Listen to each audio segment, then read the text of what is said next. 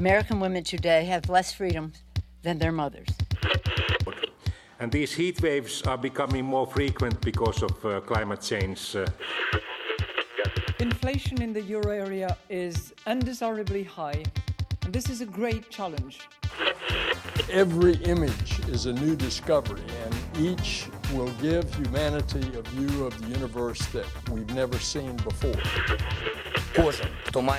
Бойовий досвід і може приєднатися до оборони України, повинен негайно прибути до відповідних центрів комплектації.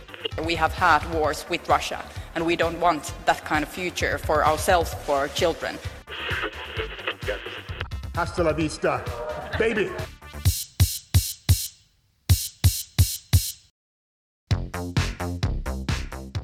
Ert að hlusta á heimskviður, þáttunum það sem gerist ekki á Íslandi. Ég heiti Birta Björstóttir.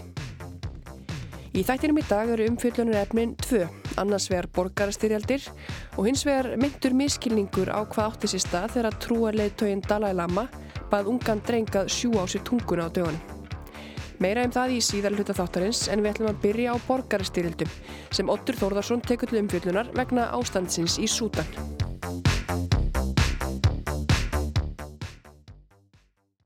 Nokkur óeining hefur ríkt síðustu misseri um framtíða stjórnskipanins stærsta og fjörmennasta ríkis Afríku, Sútan.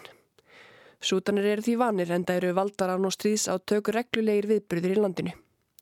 Þó eru fáir sem spáðu því að ágreiningur tvekja herfóringja í Sútan um framtíðlandsins myndi þróast á versta veg. Því miður gengur þessa svörtustu spár eftir um miðan mánunin þegar íbúar í höfuborginni Khartoum vöknuði við sprengjugni og skotkvelli. Játur, hvernig er skilgreiningin? Hefur borgarastrið nú brotist út í Sútan?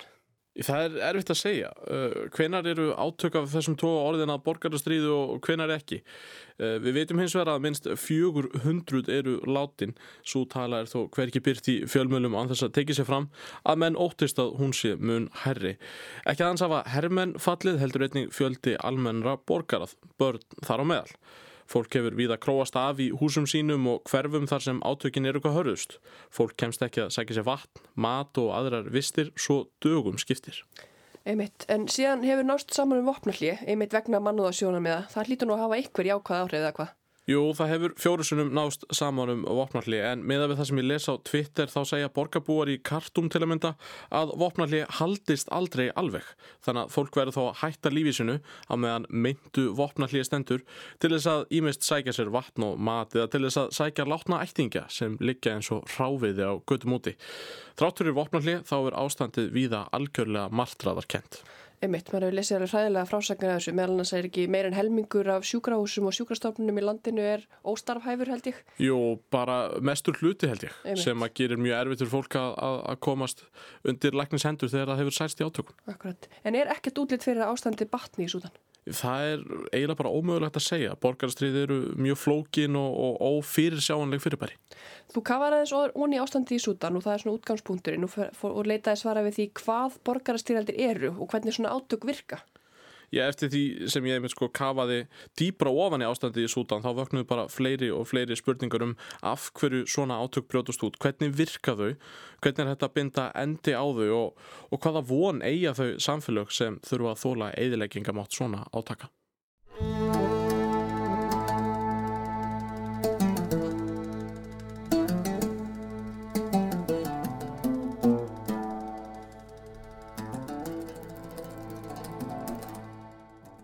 Anna Karenina Tolstóis hefst á fleigum orðum. Allar hamingisamar fjölskyldur eru eins, en sér hver óhamingisum fjölskylda er óhamingisum á sinn hátt. Og það er með vísan til þess sem hollenski stjórnmálafræðingurinn Per Sjáten lýsir borgarastyrjöldum þegar ég spyr hann hver hans skilgreining sé á slíkum átökum. Sjáten vil þannig meina að borgarastríð myndi slíkt litróf að engin átök séu eins.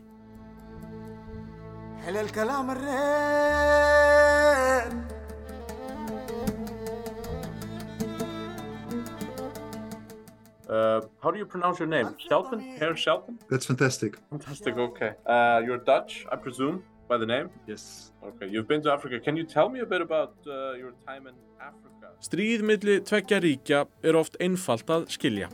Rúsland réðst inn í Úkrænu og þar er stríð. Nasistar réðust inn í Póland og upphófst stríð.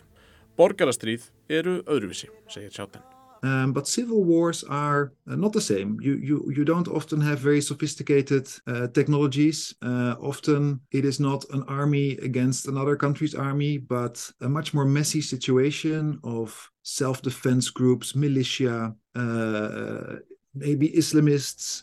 Allajafna er ekki her eins lands að berjast við her annars, segir Sjáten. Heldur skapast flókin sviðsmynd smerri herja vígasveita og oft trúarlegra hópa sem výbúast. Herskáir íslamistar eru nærtakasta dæmið um það. Og Sjáten veit hvað hann syngur. Hann hefur stundaðar ansóknir í mið Afríku og bókansum vegatálma og nótkun þeirra í stjórnmálum þessa svæðis er vel þekkt í ákveðnum kreðsum. Roadblock Politics – The Origins of Violence in Central Africa stjórnmál vegatálmana upprunni átaka í mið Afríku.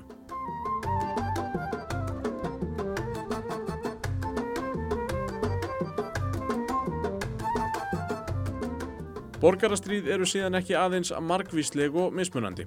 Annað enkenni slíkra átaka er að þau eru jafnan flókin.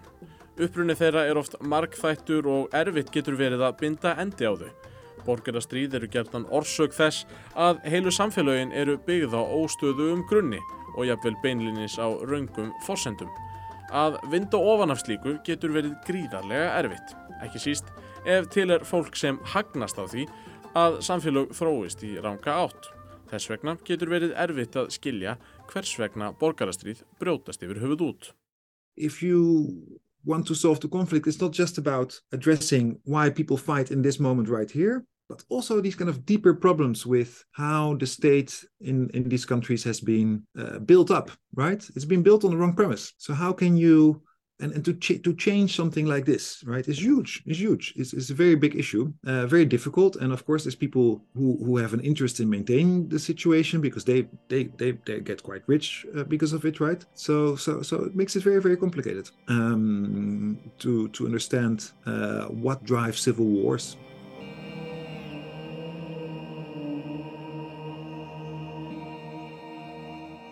Um miðjan apríl brötust út átök í Sútan sem erfitt er að kalla eitthvað annað en borgarastríð. Hundruð hafa látist hið minsta en sömur óttast að fleiri þúsundir liggi í valnum, bæði herrmenn og óbreyttir borgarar. Ástandið er verst í höfuborginni Kartúm þó stríðið hafi breytt úr sér um allt þetta þriðja stærsta ríki Afríku. Einfalt er að skilja hvers vegna stríðið braust út. Tveir menn sem stýra sitt korum hernum bítast um völd í landinu. En, eins og Sjáten segir, verður við að kafa dýbra til þess að skilja átökin til fulls.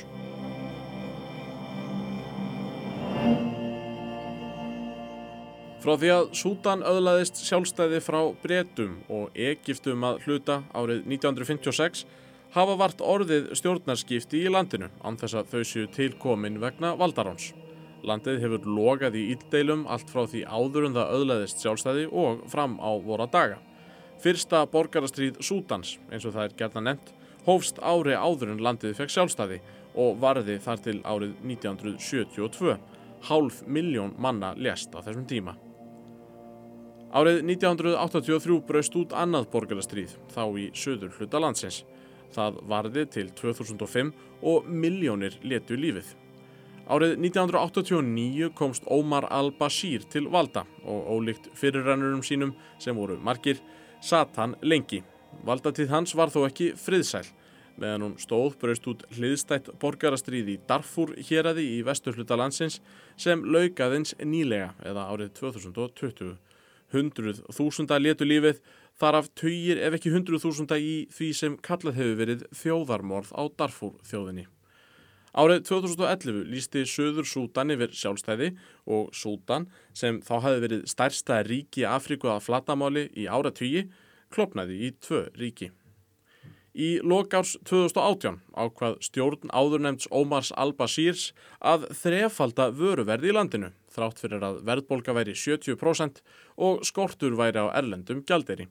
Al-Bashir var stift af stóli í kjölfar mikill að mótmala vegna þessa og við tók bráðabeyðastjórn undir stjórn Abdallah Hamdok sem reyndi að þoka málum til betri vegar. Með flókinni fléttu tókst öðrum meðlemi bráðabeyðastjórnarinnar, hersöðingunum Abdel Fattah al-Burhan, að ræna völdum af Hamdok. Honum til hals og trösts var Mohamed Hamdan Dagalo, hæstráðandi RSF uppreysnarhers Sútana, sem saman stóð af hinnum ymsu vígasveitum sem spruttu upp í Darfur stríðinu.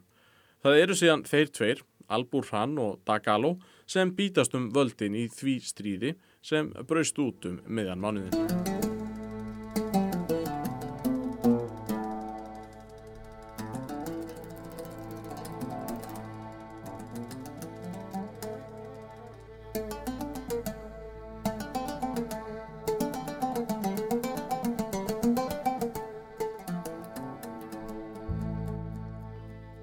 Eins og heyra má þekkja sútanar fátt annað en átök, valdarán, borgarastríð og þvíumlíkt. Per Sjáten segir þetta geta skýrt hvers vegna stríð bríst síendur tekið út í sútan. Jamt almenningur, stjórnmálumenn og hersöðingar þekkja ekki annað ástand og eiga eða vel erfitt með að ímynda sér að þið gagstæða, friður, getur ríkt.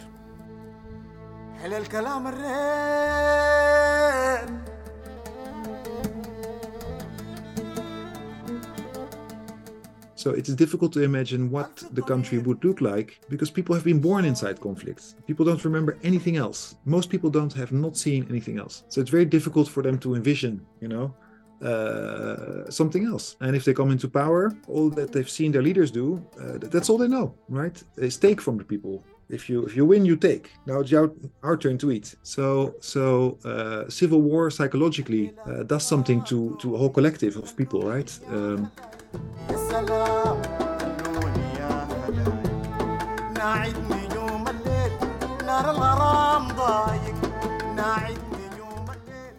Eins og áður sæði eru borgarleg átök mjög mismunandi. Við vitum það vegna þess að borgarastrýð brjótast út aftur og aftur og var á oft í ára tugi. Í dag geisa borgarastyrjöldir í minst 11 ríkjum. Í Mjanmar hefur geisað stríð síðan 1948 Í Kolumbíu hafa geisað átök síðan 1964, síðan 1978 í Somalíu, síðan 1978 sömulegis í Afganistan. Það eru borgarastyrjaldir í Níkerju, Írak, Mexiko, Sýrlandi, Jemen og svo auðvitað Sútan. En hvers vegna í þessum löndum? Akkur brjótast ekki út borgarastyrjið í þróuðum löndum? Akkur geisar ekki borgarastyrjald í Noregi, Hollandi, Ástralíu eða Kanada? Actually, uh, some of the, the examples that you mentioned, uh, like um, uh, Sudan, for instance, um, are you know countries where actually it was not very likely uh, to happen. Uh, even Sjáten segir að borgarastríð geti brotist út í öllum löndum.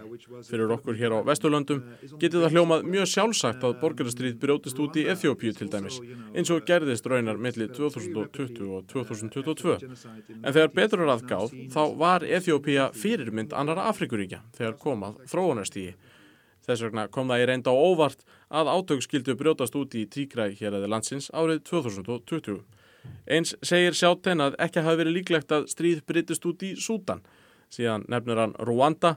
Þar braust út styrjöld á tíunda áratögnum sem endaði með hryllilegu þjóðarmorði en núna ríkir þar sögulegur stöðuleiki.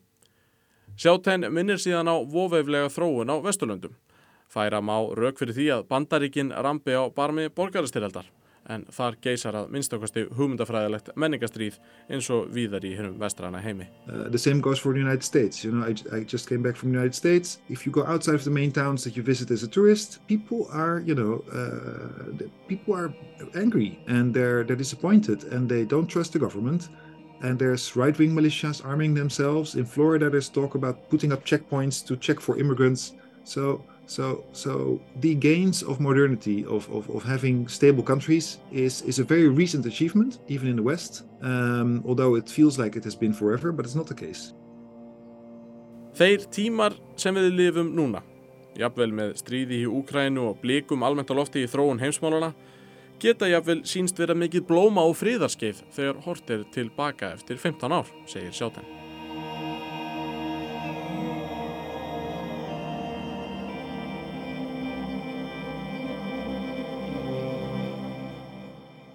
Know, the, the next 10 to 15 years, this might look like a, period of stability uh, in hindsight, right? Uh, that we're living through today. Uh-huh. Uh, and what I, what I mean by that is that uh, it is uh, very, very, very well possible that many more countries, you know, actually fall apart.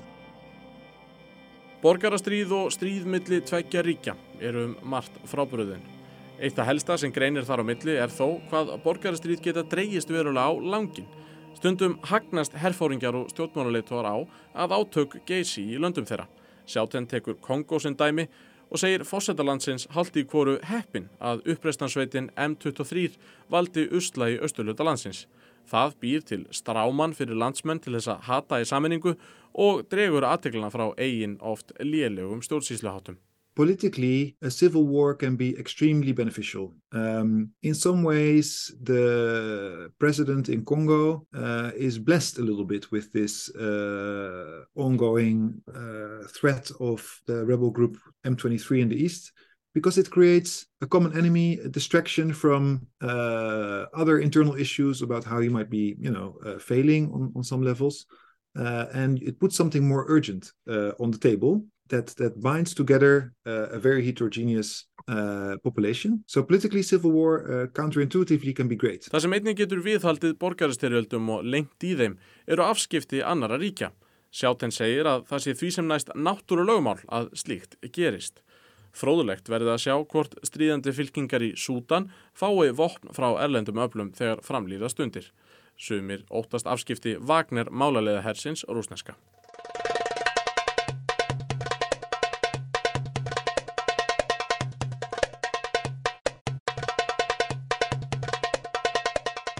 In some ways local conflicts uh, for them to to to remain alive they always need some kind of outside influence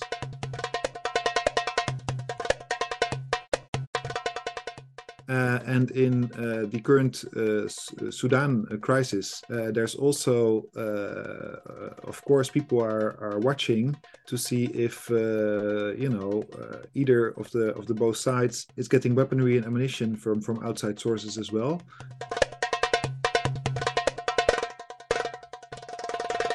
A lot of people worry about the Wagner Group, which is active in Sudan in in, uh, in gold mining, whether they would also offer military support uh, to one or two of the parties because they are closer to uh, to one side in the conflict than they are to the to the others. So these things are definitely on the table, and it will be, uh, you know, I think of crucial of crucial interest to how the conflict proceeds to know uh, how these things uh, will pan out. Einna skrítnast við borgarlega átök er að þau geta verið mun minni að umfangi en stríð mellir tvekja ríkja. Þetta segir sjáttinn að megi hugga sig við. Oft geisa átök ánþess þó að hleyft sig af skoti í langan tíma, svo dæmi sér tekið. Sjáttinn segist hafa ferðast víða í Afriku þar sem borgarastríð geisa, ánþess þó að hann hafi orðið var við eiginleg átök. Slík átök, eins konar hljóð átök, skapa ástand sem síðan venst nokkuð vel og því segir sjáten að hætta sér á að maður vakni einn daginn við að borgarstríð hafi brotist út í bakgarðunum hjá manni án þess að maður hafi orðið þess var. Ekki ósvipað og úkrænumenn lendu í fyrra þó það hafið þetta ekki verið borgarstríð heldur allsærjar innrás rúsneska hersins.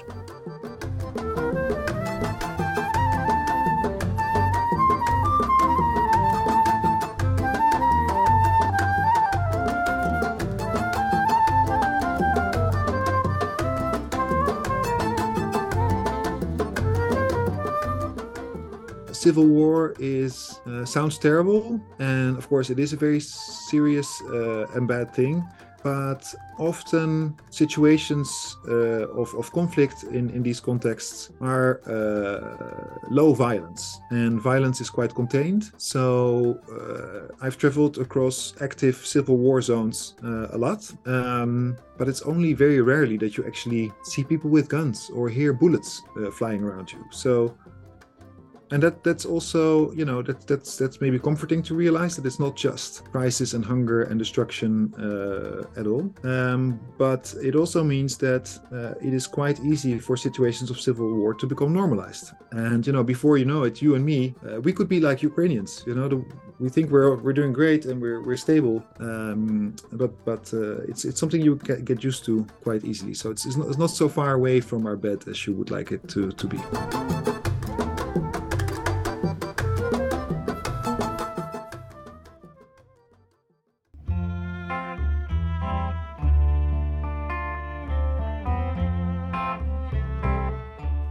kistu mig hérna og nú hérna og sjúðu nú á mér tunguna. Þessar skipanir hljóma ekki mjög saklýsislegar og sannlega ekki sem einhvers konar grín að minnstakosti ekki svona í útvarpinu. Þetta veldur auðvitað alltaf á samenginu. Þessar skipanir sleppa sannlega í Svefnaberginu kannski á milli fullonins fólks en fæst okkar samþykja þessar skipanir úr munni rík fullonins manns til bars. En nákvæmlega þetta sagði hinn næstum nýraði Dalai Lama við lítinn dreng nýverið og það náðist á myndband. Þegar allt var vittlaust baðst hann afsökunar en sagði gaggrinundur vera að miskilja. Þarna væri á ferðinni góðlátlegur brandari sem Vesturlöndin skilja ekki vegna menningamunar. Og þetta er ekki fyrsta sinn sem menningarlegur miskilningur er sögð ástæða gaggrinni á umdelt umæli þessa merkilega trúarleitóa. Sunna Valgeradóttir setti sér í lótustellingar og skoðaði Dalai Lama, bútismann og það sem er sagt vera útbreytur miskilningur almennings.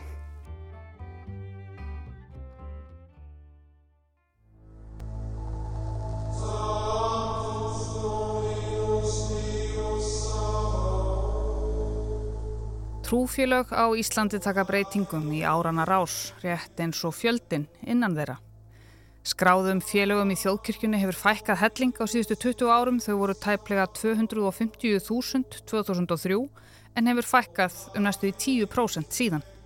Og ætla að hafi ekki verið afhjúpanir á kynferðisbrotum innan kirkjunar og almenn gaggríni á hana sem hafði meðal annars þessi áhrif. En á sama tíma hefur okkur fjölgað töluvert sem búum á Íslandi. Mannfjöldin hefur vaksið um fjóruðung 25% á 20 árum. Við vorum tæplega 300.000 þarna 2003 en erum nú að ná upp í 400.000. Og fyrir þessum 20 árum voru tvö trúfjölög starfrækt á Íslandi sem snýruð að bútisma. Það var bútistafélag Íslands og SEN á Íslandi. Skráðir félagar voru þá í kringum 450 konur í töluverðum meirihluta.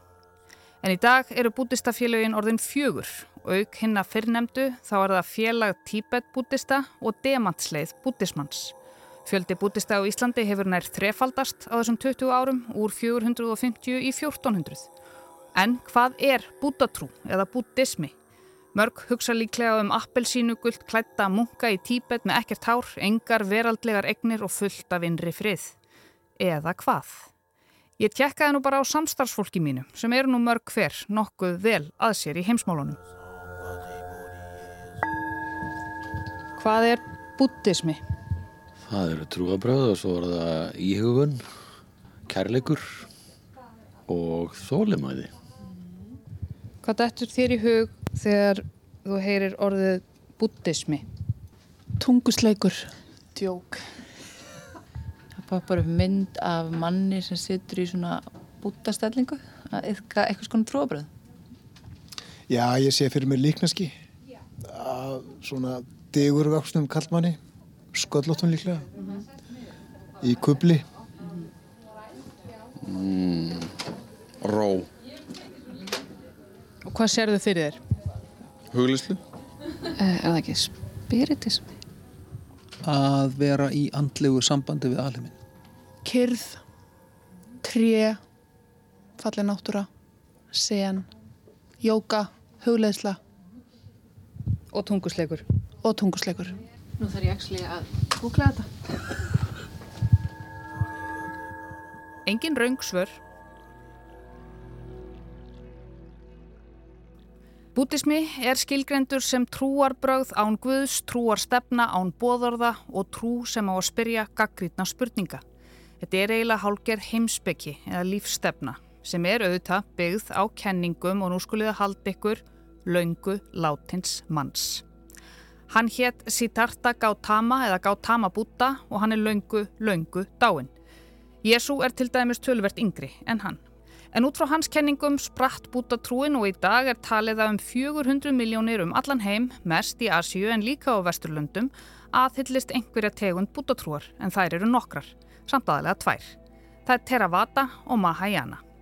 Theravada er íhalsarmurinn, bókstafstrúin og Mahayana er frjálsindari armurinn. Og undan þeim koma svo aðrar greinar, eins og í öðrum trúarbröðum, og tíbeskur bútismi er ein undir grein Mahayana og eins og nafnið gefur til kynna er hún aðal málið í Tíbet og reyndar víðar um Asju og víðar um heim auðvitað líka. En þessi trú hún var um aldarraðir, ríkistrúin í Tíbet, höfðustöðarnar og aðsettur aðsta yfirmannsins voru í borginni Lhasa í Tíbet. Og þessi aðsti yfirmaður kallast Dalai Lama sem er svona eins og páinn í kathólskri trú. Og þessi leðtóar þeir voru sömulegis valdamestu stjórnmála leðtóar Tíbet öldum saman. En frá upphafi hafa 14 karlmenn setið í ennbætti Dalai Lama sem fylgjendur líta á sem endur holdgaðan búta. Og þegar Dalai Lama deyr þá endur holdgastan sem lítill drengur og þar af leiðandi eru þeir drengir sem fæðast skömmu eftir andlátt hans skimaðir fyrir Dalai Lama eiginleikum. Og sá sem situr nú í þessu vafasama heiðursæti hefur gert það síðan hann var pínu lítill. Jetsun Jamfell Nagaung Lobsan Yese Tessin Gyatso er í dag 87 ára og hann hefur verið Dalai Lama í 73 ár. Tenzin Gyatso var nummer 5 í röð 16 sískina fátækrar bændafjölskyldu fættur í litlu þorpi í Tíbet. Hann var valinn með aðferðinni sem ég tilgrendi hér áðan en það var hópur dulbúin að manna sem mætti í þorpi til þess að finna hinn útvalda Dalai Lama með ákveðnum aðferðum. Hinn Agnar smái Tenzin var þarna tveggja ára gamall og hann var spurður hvort hann geti gískað á nafn einn stulbúna mannsins sem þóttist vera kaupmaður en var í raun munkur. Og sagan segir að barnið hafi ekki bara sagt rétt nafn, heldur líka hvaða klaustri munkurinn tilherði. Drengurinn var síðan prófaður áfram eftir allskynns kunstarinnar reglum og jú, þarna var staðfest, hinn endur fætti Dalai Lama var þarna niður komin í líkama tvekja ára bændasónar. 15 ára gamall var hann gerður að þjóðhöfðingja Tíbets í november 1950 en þá höfðu kynverjar hafið innráð sína inn í landið. Nokkrum mánuðum síðar neittist hinn ungi Dalai Lama að afsala ríkinu til kínversku risana. Síðan liði nokkur ár þar sem Dalai Lama fjekk að halda sæti sínu sem eins konar leðtói í Tíbeta. Hann ferðaðist til Kína, hitti Mao Zedong og svo leiðis en óanæja Tíbeta með hinn að nýju stjórnendur sína, kínverja, leiti til allskynns hernaðar og óerða víða um land og uppreist braust svo út 1959 og þá flúði Dalai Lama í útlegð til Indlands og hefur setið þar í eins konar útlega stjórn síðan og barist á friðsaman hátt fyrir sjálfstæði Tíbet. Hann hefur verið álitinn einn merkasti leðtogi samtímans og hlotið hinnar ymsu viðurkenningar sem staðfesta það. Færum okkur nú aftur um nokkur ár til 1989. Fríðarveluna afhending Nobels stendur nú yfir í háttíðasal Oslovar Háskóla. Kínastjórn kallar Dalai Lama pólitískan glæpamann. Norska Nobelnemdir segir hann fulltrúa fríðar á jörðu. Á stuttum fréttamannafundi í gær sagði Dalai Lama að Mikael Gorbachev, leitói Sovjetríkjana, ætti að frá fríðarvelunin á næsta ári. Er breytingar og sá fríðarandi sem gangi yfir Austur-Európu væri honum að þakka. Og hvað haldiði? Dalai Lama varð að ósksinni. Mikael Gorbachev hlaut fríðarvelun Nobels árið eftir en þá var öldin önnur í austrinu. Sumarið 1997 skrifuðu átta Nobelsverluna hafar undir alþjóðlegan fríðarsáttmála sem átt að stemma stigu við útflutningi á vopnum í heiminum og Dalai Lama ávarpaði samkomuna. I think everybody is want peace because peace give us happiness, violence, destruction give us more suffering. Quite a simple reason. Ég held að við viljum öll frið því hann veitir hamingju, ólíkt ofbeldi og eigðileggingu. Til að ná fram heimsfriði þurfum við að leggja niður vopnin, bæði þau sem búa innra með okkur en líka hinn veraldlegu vopn. Hljómar mjög skinsamlega. En þarna var Dalai Lama ekkert unglamb-lengur, hann var árið 62 ára og átti alveg nokkuð mörg góð ár eftir þar til fyrsta harðagagrinin sem ekki kom frá kynverjum spratt fram.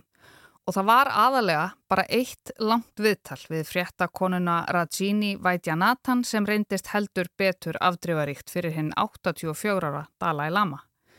Þetta var viðtal á BBC og þar tikkaði hann í nokkuð mörg boks. Hann tikkaði í pólitíska boksið, hann tikkaði í kvennaboksið og innflytjendaboksið.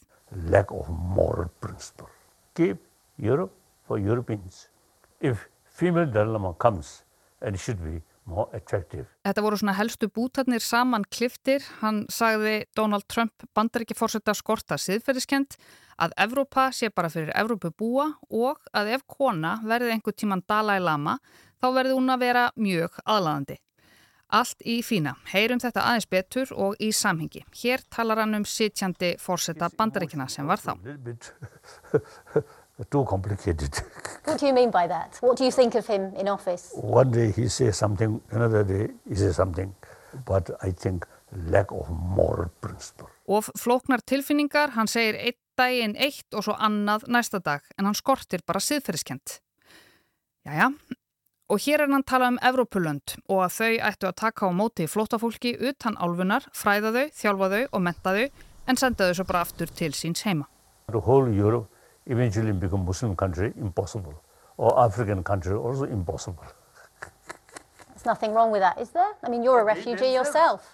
Það gengur bara alls ekkit upp að Evrópa verði öll undirlögð af múslimum eða afrikubúum, sagði Dalai Lama þarna, hlæjandi. En erum hæl spurður hvort það væri einmitt ekki bara í lægi, hann sé nú einmitt sjálfur flottamæður. Nei, nei, höldum Evrópu fyrir Evrópubúa, öllum líður betur þannig. Ehi, og svo voru það konurnar.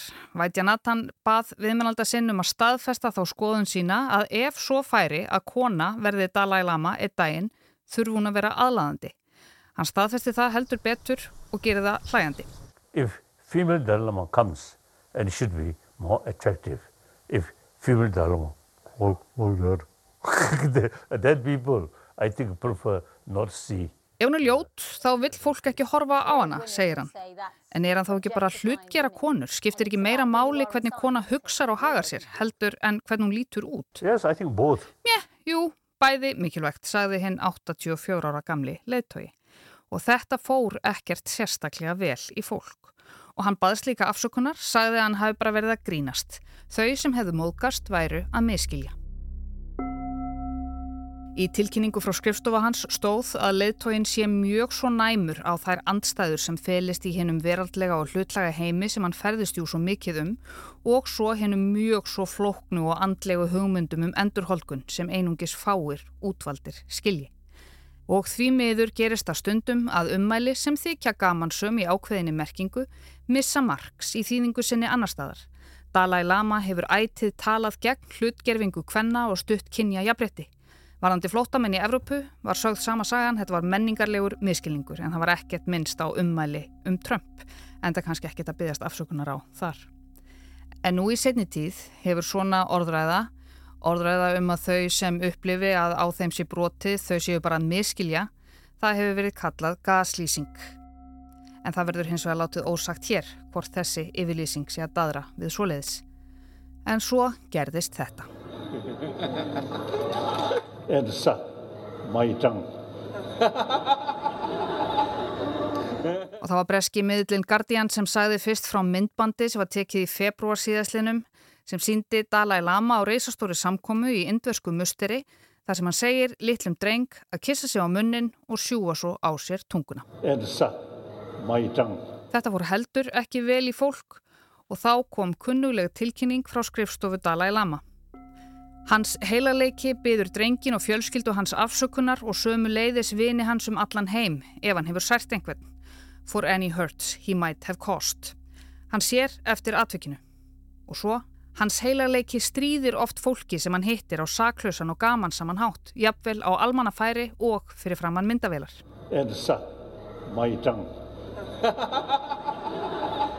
Þetta var sem sé bara létt grín, bara menningarlegur miskilningur.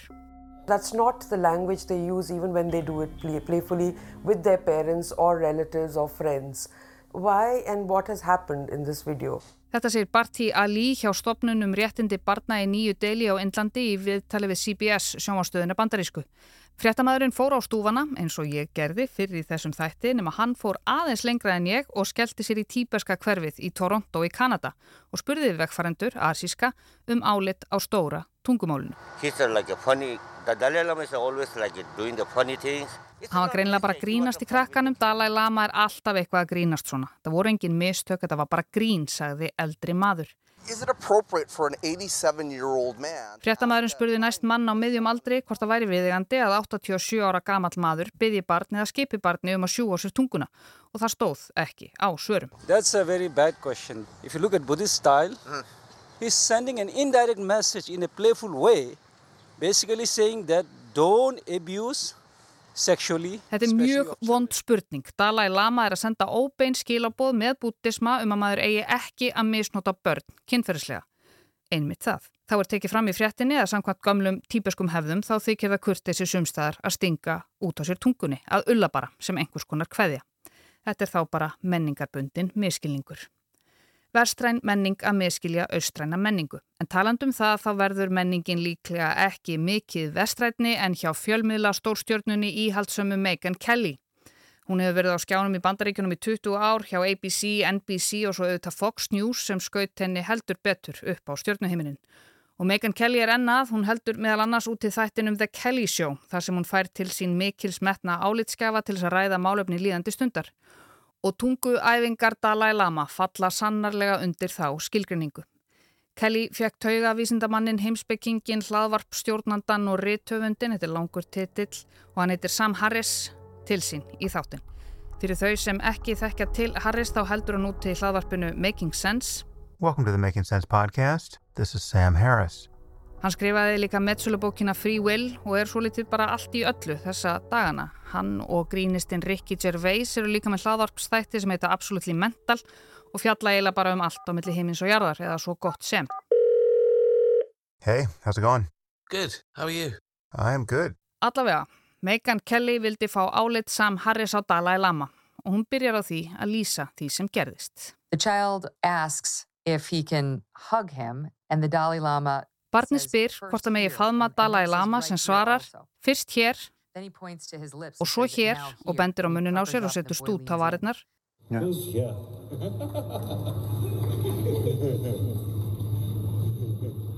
Then I think finally here also.